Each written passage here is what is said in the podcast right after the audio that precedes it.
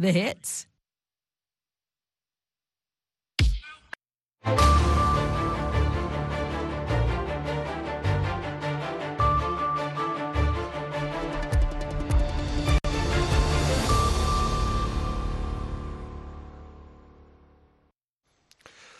Halkani waa washington laanta af soomaaliga ee v o a aad si toosa uga dhageysanaysaan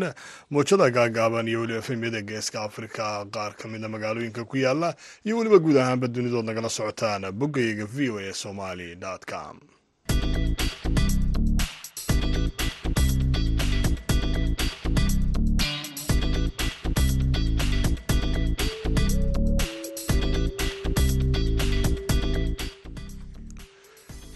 duhur wanaagsan dhammaantiinba dhegeystayaal meel kastoo aad joogtaanba waa salaasaa taariikhduna ay tahay ee koob iyo labaatanka bisha noofembar ee sanadka laba kun iyo saddex iyo labaatan. Haatan saacadda afrikada bari waxay tilmaamaysaa kowda iyo barhkeed duhurnimo idaacadda duhurnimo ee barnaamijka dhallinyarada maantana waxaa halkan idinkala socodsiin doona. Aniga oo ah cabdixakiin maxamuud shirwac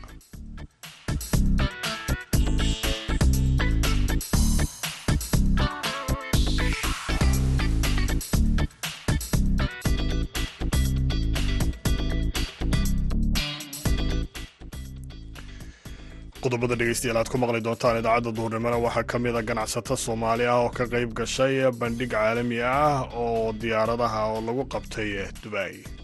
Dhinaca kenya annaga ayaana laga casuumo official casuumad ayaana loo soo diray premier airlines ee ku duuleysa magaca premier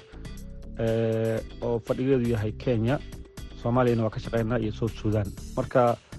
sidoo kale soomaaliya waxaa laga soo casuumay shirkad la dhaho star sky oo aan isku aragnay guddoomiyaheeda meesha axmed sidoo kale waxaad dhegeysan doontaan sida ay dhallinyarada uga qayb geli karaan siyaasadda islamarkaana looga gudbi karo caqabadaha horyaalla iyadoo sidoo kale waxaad maqli doontaan dhinacii kaalmaha heesaha. Hase yeeshee marka hore ku soo dhowaada qaar ka mida qodobadii wararka adduunka ugu waaweyna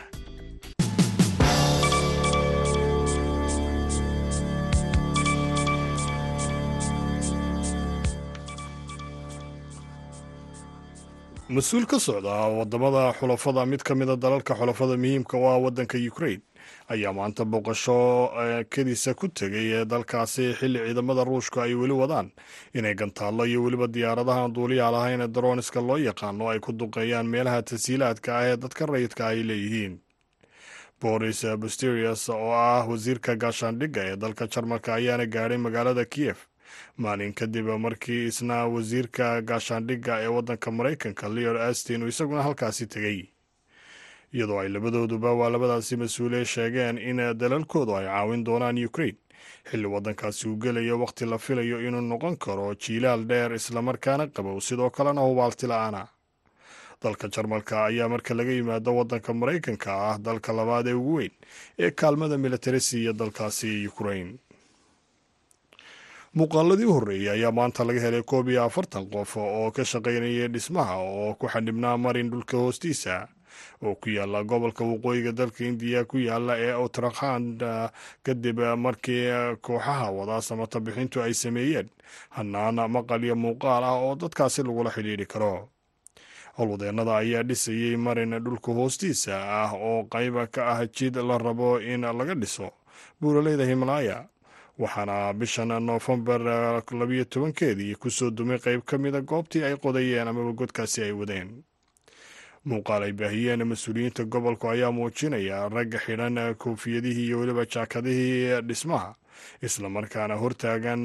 kamarad ama muuqaal baahiye soo gudbinaya oo loogu talagalay amaba loo yegleelay si dadkaasi loo arko iyadoo loo adeegsaday mid ka mid a kamaradaha loo isticmaalo in dadka uurka jirkooda lagu baadho islamarkaana qofkaasi islamarkaasina godka loogu dhaadhiciyey dadkaasi halkaasi ku xaniban waxaana muuqaalku muujiyey iyadoo mid ka mida mas'uuliyiintu uu ragga godkaasi ku xaniban weydiinayo inay qoslaan islamarkaana iyaguna gacan haadinayaan ay u jawaabayaan waxaana howlwadeennadaasi halkaasi ku xaniban la arkay markii ugu horreysay muuqaaladii ku saabsanaa in ay halkaasi ku jiraan iyo waayahay ku sugan yihiin. Dhegeystayaal qodobadii wararka adduunka ugu waaweynaa waa naga intaa haatanna u diyaar garooba qeybaha dambe idaacadda duurnimo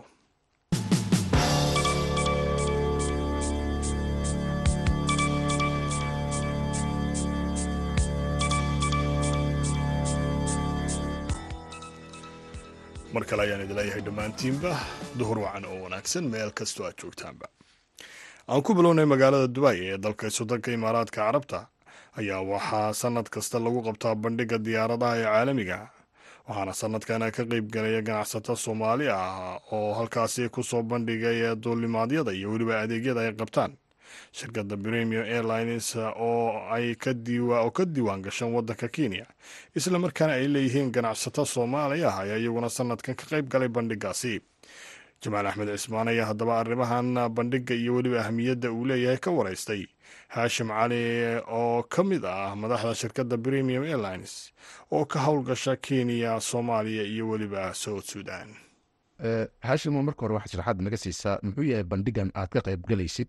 sharaxaada naga siiba jamaal aan ku bilaabo magacayga waa haashim cali ka socda diyaaradda premier airline bandhigu wuxuu ku saabsanaa bandhig diyaaradeed ayuu ahaa oo ay soo qabanqaabisay sanad kastana ay soo qabanqaaban jirtay dowladda istaga imaaraadka carabta xarunteedu ay tahay abudabi marka magaalada habka uga caasimadda kama dhigaan waxay ka dhigaan magaalada ganacsiga oo ah dubay dubay air show ay u magacdareen marka bandhiga saasuu ku saabsanaa. Qolo walbaba xoogga iyo awoodda ganacsiga ay leedahay ayay soo bandhigaysa. Waayahay markaa ka ganacsada ahaan dhinaca duulimaadka muxuu ahamiyad idin leeyahay shirkani ama bandhigan aad ka qayb galaysaan waa su'aal fiican jamaal ka ganacsi ahaan annaga dhinaca duulimaadka wuxuu muhiimad iyo ahmiyad labadaba noogu leeyahay dhinaca kenya annaga ayaana laga casumo official casumad ayaana loo soo diray premier airlines ee ku duuleysa magaca premier oo fadhigeedu yahay kenya soomaaliyana waa ka shaqeynaa iyo south sudan. Marka sidoo kale soomaaliya waxaa laga soo casumay shirkad la dhaho star sky oo aan isku aragnay guddoomiyaheeda meesha axmed. Marka isdhaafsi iyo isxogwaraysi iyo isbarasho iyo ka qaybgal ayuu ahaa. Wuxuuna soconayay shan maalin wuxuu bilaabanayay saddex iyo tobankii wuxuu dhammaanayay toban iyo meesha maxaa lagu soo bandhigayay marka diyaaradaha ka sokow waxyaabaha lagu soo bandhigayay maxaa ka mid ah oo ay shirkaduhu uga faa'iidaysanayeen jamaal diyaaradaha meesha ku hardamaya oo ugu waaweyn waxay ahaayeen waa laba diyaaradood airbus iyo boyn marka boyn ayaa waxay heshay dalabka ugu badan ee diyaaradaha la dalbaday ama la sii order garaystay oo la sii booking garaystay diyaaradahaas number one waxaa galay emirat oo diyaarado badan ka dalbatay white body. Sidoo kale diyaaradda la dhaho fly dubay ayaa waxay dalbatay seven eight seven dream liner waxaa kaloo jirta diyaarad oo etoobiya oo hadda noqonaysa national carrier africa oo africa wadamo badan u duushaa iyadana waxay ku darsatay ilaa diyaarada gaaraya lixdan iyo todoba diyaaradood marka meeshaas waxay ka dhigan tahay boyn inay soo hoysay guul aada u weyn oo aan laga filin meesha airbus waxay soo bandhigtay diyaaraddaas oon dalabkeedu aada u badnayn marka diyaarad cusub oo la dhaho riyaad way ku soo biirta meesha oo diyaaraddaas oo ku soo biiri doonta saaxadda diyaaradaha galabka oo jaalanji cusubna keeni doonta. Culeyska xajka iyo cimradana fududeyn doonto hadda culeys badanaa saaran diyaaradda la dhaho sacuudiya marka sacuudiya ayaa marka waxay rabtaa sida imarad oo kale inay diyaarado kala dhasho sida imarad u dhashay fly dubay oo kale iyo itixaad iyo eer carabiya oo kale iyo marka waa isfidinayaan diyaaradaha meesha kaloo joogay waxaa ka mid ahaa embrea oo ah company brazilian oo diyaarada soo saara oo diyaarad passenger keenay. Waxaa kaloo jira diyaarad la dhaho bombardia oo canada laga leeyahay oo diyaaradaha ugu fiican adduunka ee businesska soo saarta. Challenge six fifty keentay mudane diyaaradaha militariga ayaa aada u badnaa. Inkastoo oo sidii la filayay militariga uusan ahayn oo xoogaa hadda adduunyada ay ka kacsan tahay oo rushia uusan wax badan soo bandhigin mareykanka laftigiisu isgaabiyey diyaaradihii droniska ayaa aadka u badnaa meesha waxa yaalo oo sidoo kale kambaniyada dhiiba servisyada sistemyada iyo spaybartsyada ayaan ka maqnayn meesha oo aada u soo buuxdhaafiyey marka wuxuu ahaa bandhig aada caalami oo ugu yaraan boqol iyo siddeetan shirkadood ay ka soo qayb galeen. Marka lama soo koobi karin wax war lagu soo koobi kara maaha. Waagaaga dhegeystayaal kaasina wuxuu ahaa haashim cali oo ka mid ah madaxda shirkadda premium airlines oo u warramayay wariyahayaga jamaal axmed cismaan dhegeystayaal sheekooyin kale waa inoo soo socdaane. Haatan aynu ku wada nasanno islamarkaana ayn jaleecno dhinacii kaalmaha heesaha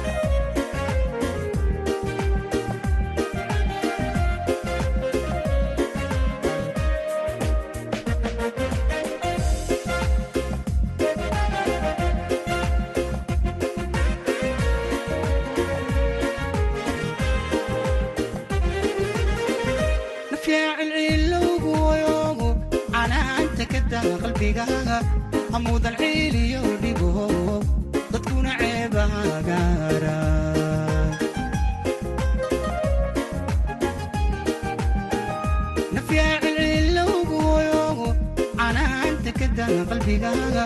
hamuudan ciiliyo dhigo dadkuna ceebahagaara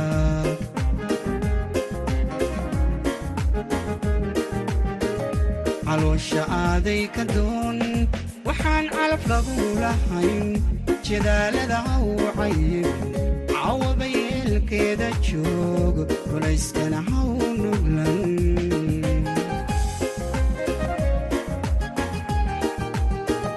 caloosha aaday ka doon waxaan calaf lagu lahayn jadaalada hawcayin cawaba yeelkeeda joog culayskana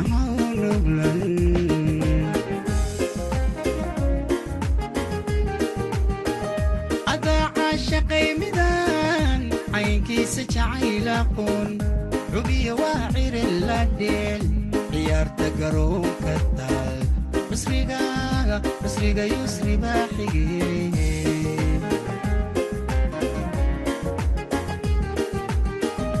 adaaca shaqaymidan caynkiisa jacaylaqoon xubiya waa cirin la dheel ciyaarta garoonka taal. Cusriga yusri baa xige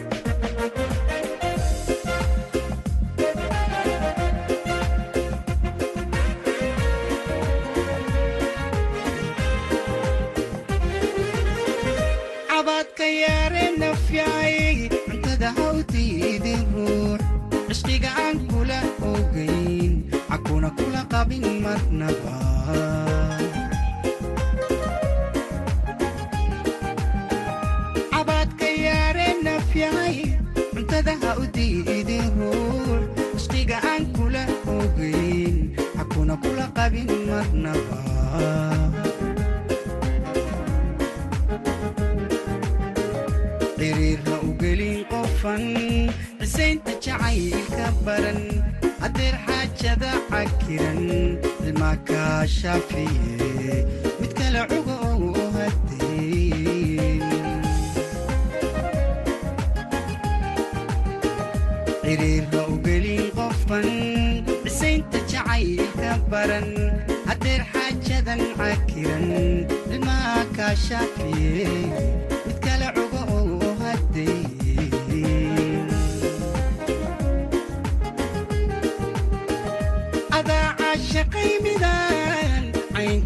caynkiisa jacaylaqoon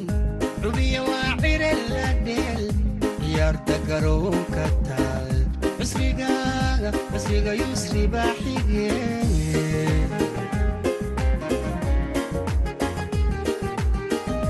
adaaca shaqaymidan caynkiisa jacaylaqoon xubiya waa cire la dheel ciyaarta garoonka waa hagaaga dhegaystayaal wuxuu yidhi cusriga nasri baaxige waa codka cabdicasiis cali iskalaaji dhegaystayaal haddaynu intaasi kaga soo gudubno islamarkaana aynu hore ugu sii soconno idaacadda duhurnimo ee barnaamijka dhallinyarada maanta. Magaalada boosaaso ayaa lagu qabtay kulan dadweyne oo ku saabsan ka qaybgalka dhallinyarada ee siyaasadda. Caqabadaha iyo weliba fursadaha ay haystaan in ay ugu biiraan siyaasadda puntland ee xilligan cabdulaahi ciise maxamed rubaani oo ah madaxa xarunta s b d c oo doodan qabatay ayaa sheegay in dhallinyarada puntland ay qeyb weyn ka noqon karaan ka qaybgalka siyaasadda maadaama ay xilligan ku jirto puntland jawi doorasho. Waxaana uu waramay yuusuf maxamuud yuusuf. Horta yuusuf iyo bahda v o ba waa u mahad celinaya marka xigta annaga aslanba somali policy and development center waxaa biisu ah oo ay degan magaalada boosaaso marka boosaaso waxay ka mid tahay meelaha noogu muhiimsan ee aan rabno inaanu shaqooyinkan ka qabano runtii aanu ka qabano. Muddooyinkii hadda la soo dhaafay waxaan ku qaqabanaynay doodo kala daduwan waxaanuna hadda wadnaa cilmi baarisyo ah. Laakiin asbooyadii u dambeysay waxaan magaalada ku qabanay laba doodood. Midda koowaad waxaanu ku qabanay waxaan qabanay musharax madaxweyne maxamuud mashruuc. Waxayna ku saabsanayd puntland shan labaatan sano ka bacdi xaggee bay u guureysaa dibadhicii rubac qarni kadib maxaa dibadhac ah oo jira maxaa la gaaray xaggeesa u soconnaa xaalina waxaan magaalada hoolka jaamacadda bariga africa aan ku qabanay anaga waan iska kaashanay jaamacadda bariga africa iyo anaga ka xarun ahaanba. Dood ku saabsan ka qaybgalka dhalinyarada ee siyaasadda caqabadaha haysta iyo fursadaha ee haystaani marka waxay ka mid ahaa ahaayeen mawduucyo. Aan u aragno inay muhiim u yihiin bulshada. Waana sii wadaynaa wax laga yaaba asbuucyadan kuwa caafimaadka ku saabsan oo noo qorshaysan kuwa xalinta khilaafaadka ku saabsan baa noo qorshaysan wax noo qorshaysan dad siyaasiyiin ah oo inaanu bal weydiimaha bulshada waxa ay is oran kadho maxay dadka iyo dalka ku soo kordhin doonaan inaanu hordhignona waa laga yaabaa shala maalmaha soo socda. Waayahay ka qaybgalka dhalinyarada iyo caqabadaha iyo fursadda ee siyaasadda dadka ka qaybgelayay ee dhalinyarada talooyinka u soo jeedinayay maxay isugu jireen? Wallahi banelka waxaa ka qayb galay. Aniga oo xarunta ka socday doctor cilmbe xildhibaan kula degaano magaalada boosaaso ah. Nin resejer ah dhakhtar caafimaad oo bare caafimaadna ah runtii iyo gudoomiye ku-xigeenka jaamacadda bariga africa waxaa qayb ka ahaa maamulka degmada gudoomiye ku-xigeenka degmada joogay sidoo kale xildhibaan gula deegaanada cabdilcali artan xildhibaan uu ka mid yahay golaha deegaanka boosaasona iyaguna ay joogeen marka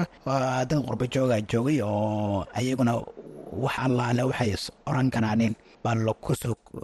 wacyiga dhalinyarada si kor loogu qaado wax allaale waxay is oran karaan in ku soo kordhiya bal mawduucan ayaguna qayb ka noqday ayaa jiray ujeeddada ugu weyn ee xarunta ay ka lahayd in dhalinyarada lagu wacyigeliyo ka qaybgalka siyaasadda iyo idinkaba maxay ahayd cabdulaahi wallaahi mawduucan ujeedada ugu weynaa ka lahayn waxay ahayd laba qodob. Qodobka koowaadna wax waaye haddii aanu tixraaca ka dhigano doorashooyinkii golaha deegaanka ee puntland u qabsoomay dhowr labaatan sano ka bacdi waxaa suurtagal noqotay in dadkiis diiwaangeliyay boqolkiiba lixdan jantuskii guddiga doorashooyinku sida uu tilmaamayay ay ahaayeen dhalinyaro in golii deegaanka xildhibaanadii golaha deegaanka ku tartamayay boqolkiiba toddobaatan iyo wax la jira ay dhalinyaro ahaayeen number intaas leegna uu ku soo baxay maadaama dhalinyaro badan oo reer puntland ay danaynayaan inay siyaasadda galaanin oo waxaan is oran karnay marka koowaad in dhalinyaradu ha fahmeen bal in wax layska weydiiyo oo la fahmo meesha loo socdo oo siyaasadda ah. Fursadaha ka jira iyo caqabadaha ka jira. Iyo midda labaad oo ah in dhalinyaradu institutionskii dawliga ahaa ku soo biiraan haddii ay ku soo biiraan inay isbeddel la yimaadaanin oo wax la taaban karo ay ka qabtaanin inta badan dadku waxay aada u dhaliilaaneen hay'adaha dawliga oo shaqo badan runtii inaysan ka jirin ay tilmaamaaneen marka waxaan is oranaynay bal in dhalinyarado soo baxaysa ay noqoto dhalinyaro la yaqaano oo doodaha lagu arko afkaarahooda la yaqaano oo waxay aaminsan yihiin la garanayo oo runtii wax ku soo kordhin karaa bulshada inay noqoto. Labada qodob baa ugu muhiimsanaa. Dhalinyarada hadda fursad intee leeg ayay u haystaan inay ka qayb noqdaan doorashada puntland sida doontaa ku dhacday inkastoo ay muran ku jidho. Marka dhalinyaradu ma u malaynaysaa fursad in sanadkan ay qeyb ka noqdaan doorashada madaxtinimo ee puntland xildhibaanada iyo tan madaxweynaha iyo madaxweyne ku-xigeenka labadaba. Wallaahi dee hadda lamaba garanayo nooca doorasho ee puntland ka qabsoomaysa sida ay doonto ha ku dhacdo laakiin waxaan qabnaa inay muhiim tahay in dhalinyaradu ay tartanto kuraas badan ay u tartanto baarlamaanka haday noqon lahayd iyo haday madaxweynaha noqon lahayd. Intaba waana muhiim runtii in mataqaanaa xaruntuna way soo jeedisay waana aaminsannahay inay muhiim tahay in nooc doorasho horo xalaalo oo heshiis lagu yahay oo bulshada danteeda iyo xasiloonidana waa adeegaysa runtii la gaaro is afgarad siyaasi ahna la gaaro. Laakiin waa qabnaa marka aan eegno waayiga bulshada aynu eegno runtii waxay ka mid noqon karaan baarlamaanka inay soo galaan. Laakiin kursiga ugu sarreeya oo madaxweynaha waa jiraan dhalinyaro oo u tartamaysa oo walow aan deeda dhalinyarnimadaba aan laysku raaxsaysanayn laakiin dad afartankaaba wax badan ka weynayn oo tartamaya way jiraanin waan isleenahay inay door qaadan karaanin daayarta soomaaliyeed ee wax bartay ee dalkan iyo deegaankan garanaya u soo shaqeeyana door muhiima ay garagaran karaanin qaadan karaanin. Doorashadii puntland ka dhacdayna nin dhalinyaraababa ah. Dhowr hal cod lagaga qaaday. Marka waxaa is leeyahay dhalinyaradu fursad fiican bay haystaanin waana tartamayaan awoodna waa leeyihiin wagaag dhegeystayaaalkaasina wuxuu ahaa cabdulaahi ciise maxamed rubaani oo ah madaxa xarunta s b d c oo u waramayey yuusuf maxamuud yuusuf haatanna ku soo dhowaada xubintii ciyaaraha oo inoo hayo faarax cali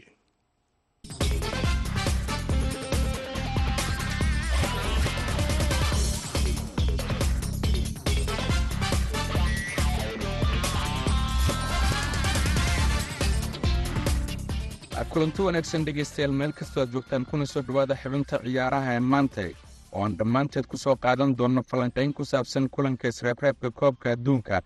xulka soomaaliya uu caawa la ciyaari doona xulka waddanka yuganda ciyaartan oo ah tii labaad oo ka tirsan gruubka g ayaa xulka soomaaliya ee lagu neenaaso the ocean stars. Wuxuu garoonka degmada barkeena ee waqooyiga waddanka marocco kula ciyaari doonaa xulka yuganda waxaana taageerayaasha xulka soomaaliya ay rajo weyn ka qabaan in ciyaartan ay soomaaliya ka soo hayso natiijo wax ku ool ah. Ciyaartii koowaad ee gruubkan waxaa soomaaliya saddex ciyaar uga soo badiyey xulka waddanka aljeeriya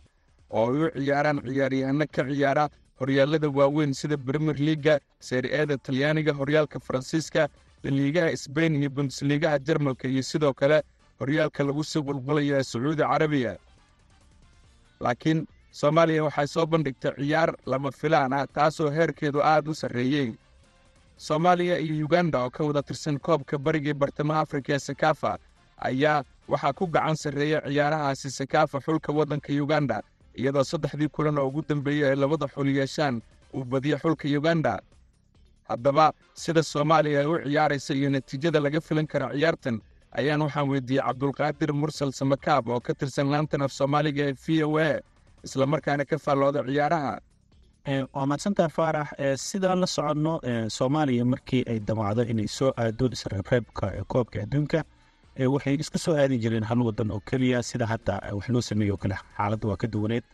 Wadankaas markuu ka badiyana meesheeday ka laaban jirtay laakiin hadda sidii hore waa la bedelay oo gruubyo ayaa la sameeyey. Marka ilaa iyo lix wadan ayaa gruubkiiba ku jira. Marka ciyaartii ugu horeysay algeria yeelan lahayd waa ogeedo saddex iyo hal ayaa looga badiyey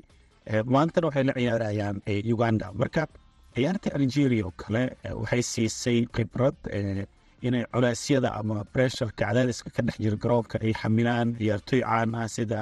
riyaad behraas oo kale ay ka hor yimaadaan oo yani dad xirfadlayaal sare ah oo yurub ka wada ciyaaro. Marka heerkan oo kale waxaa la dhihi karaa xitaa soomaaliya haddii aysan meel fiican ka gaarin waxay u noqonaysaa khibrad weyn oo ilaa iyo waxay ciyaaraysaa dhowr ciyaarood oo maaragtay rajo ay ku yeelan karto inay ku soo baxdo evando gruubka la geliya uu yahay gruub adag oo markaa fiirisid geni iyo mozambique iyo botswana iyo uganda iyo algeria ayaa maaragtay gruubka kula jira. Marka hadee ugandana waa dareemi kartaa oo heerka ciyaaraheeda marka hadda gruubyada marka la sameeyey waddamada bariga africa oo kale waxaa la yidhahdaa kuwa xoogaa ugu liita ciyaaraha inay yihiin. Marka jabuuti iyo eritrea iyo soomaaliya iyo south sudan ayaa ayaa loo arkaa inay yihiin waddamada maaragtay xoogaa maarata dhinaca horumarka ciyaaraha aan la mid ahayn waddamada kale. Marka ugandayna ciyaari doonaan natiijada waa la sugayaa laakiin mar haddii algeria ay saddex gool iyo gool uga badisay waxaa la leeyahay in rajo wanaagsan ay siinayso maadaama algeria iyo uganda aysan aad isugu dhoweyn oo algeria ay wax badan sarreyso markaa fiirsan ciyaaraha afrikana dabcan galbeedka iyo waqooyiga ayuu u badan yahay horumarkiisa marka sidaasoo ay tahana algeria waa dhinaca waqooyiga ciyaartooy waaweyn oo ciyaara oo professional ah. Laakiin hadda kulanka uganda taageerayaasha soomaalida iyo xulka soomaaliyaba waa uga cadaadis yaryahay marka waxaan rajeynayaa inay guul gaaraan ama wax un rajo sii siin kara si ay maaragtay kulamada siixniga ay niyad fiican u yeeshaan. Mahadsaned samakaab xubintii ciyaarahana dhegeystayaal maanta waa naga intaa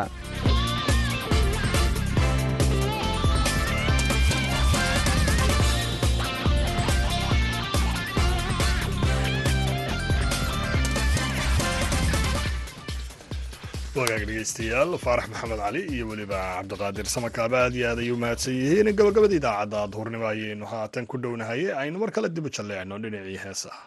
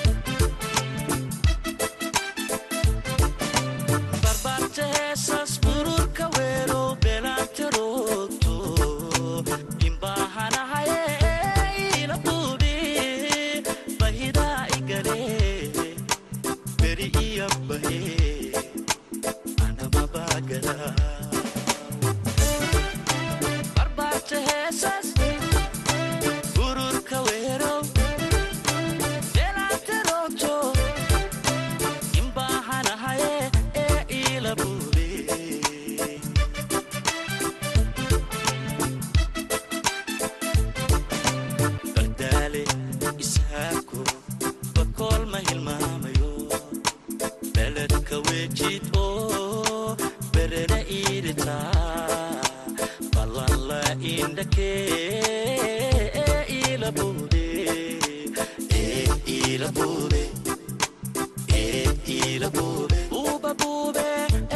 dhegeystayaal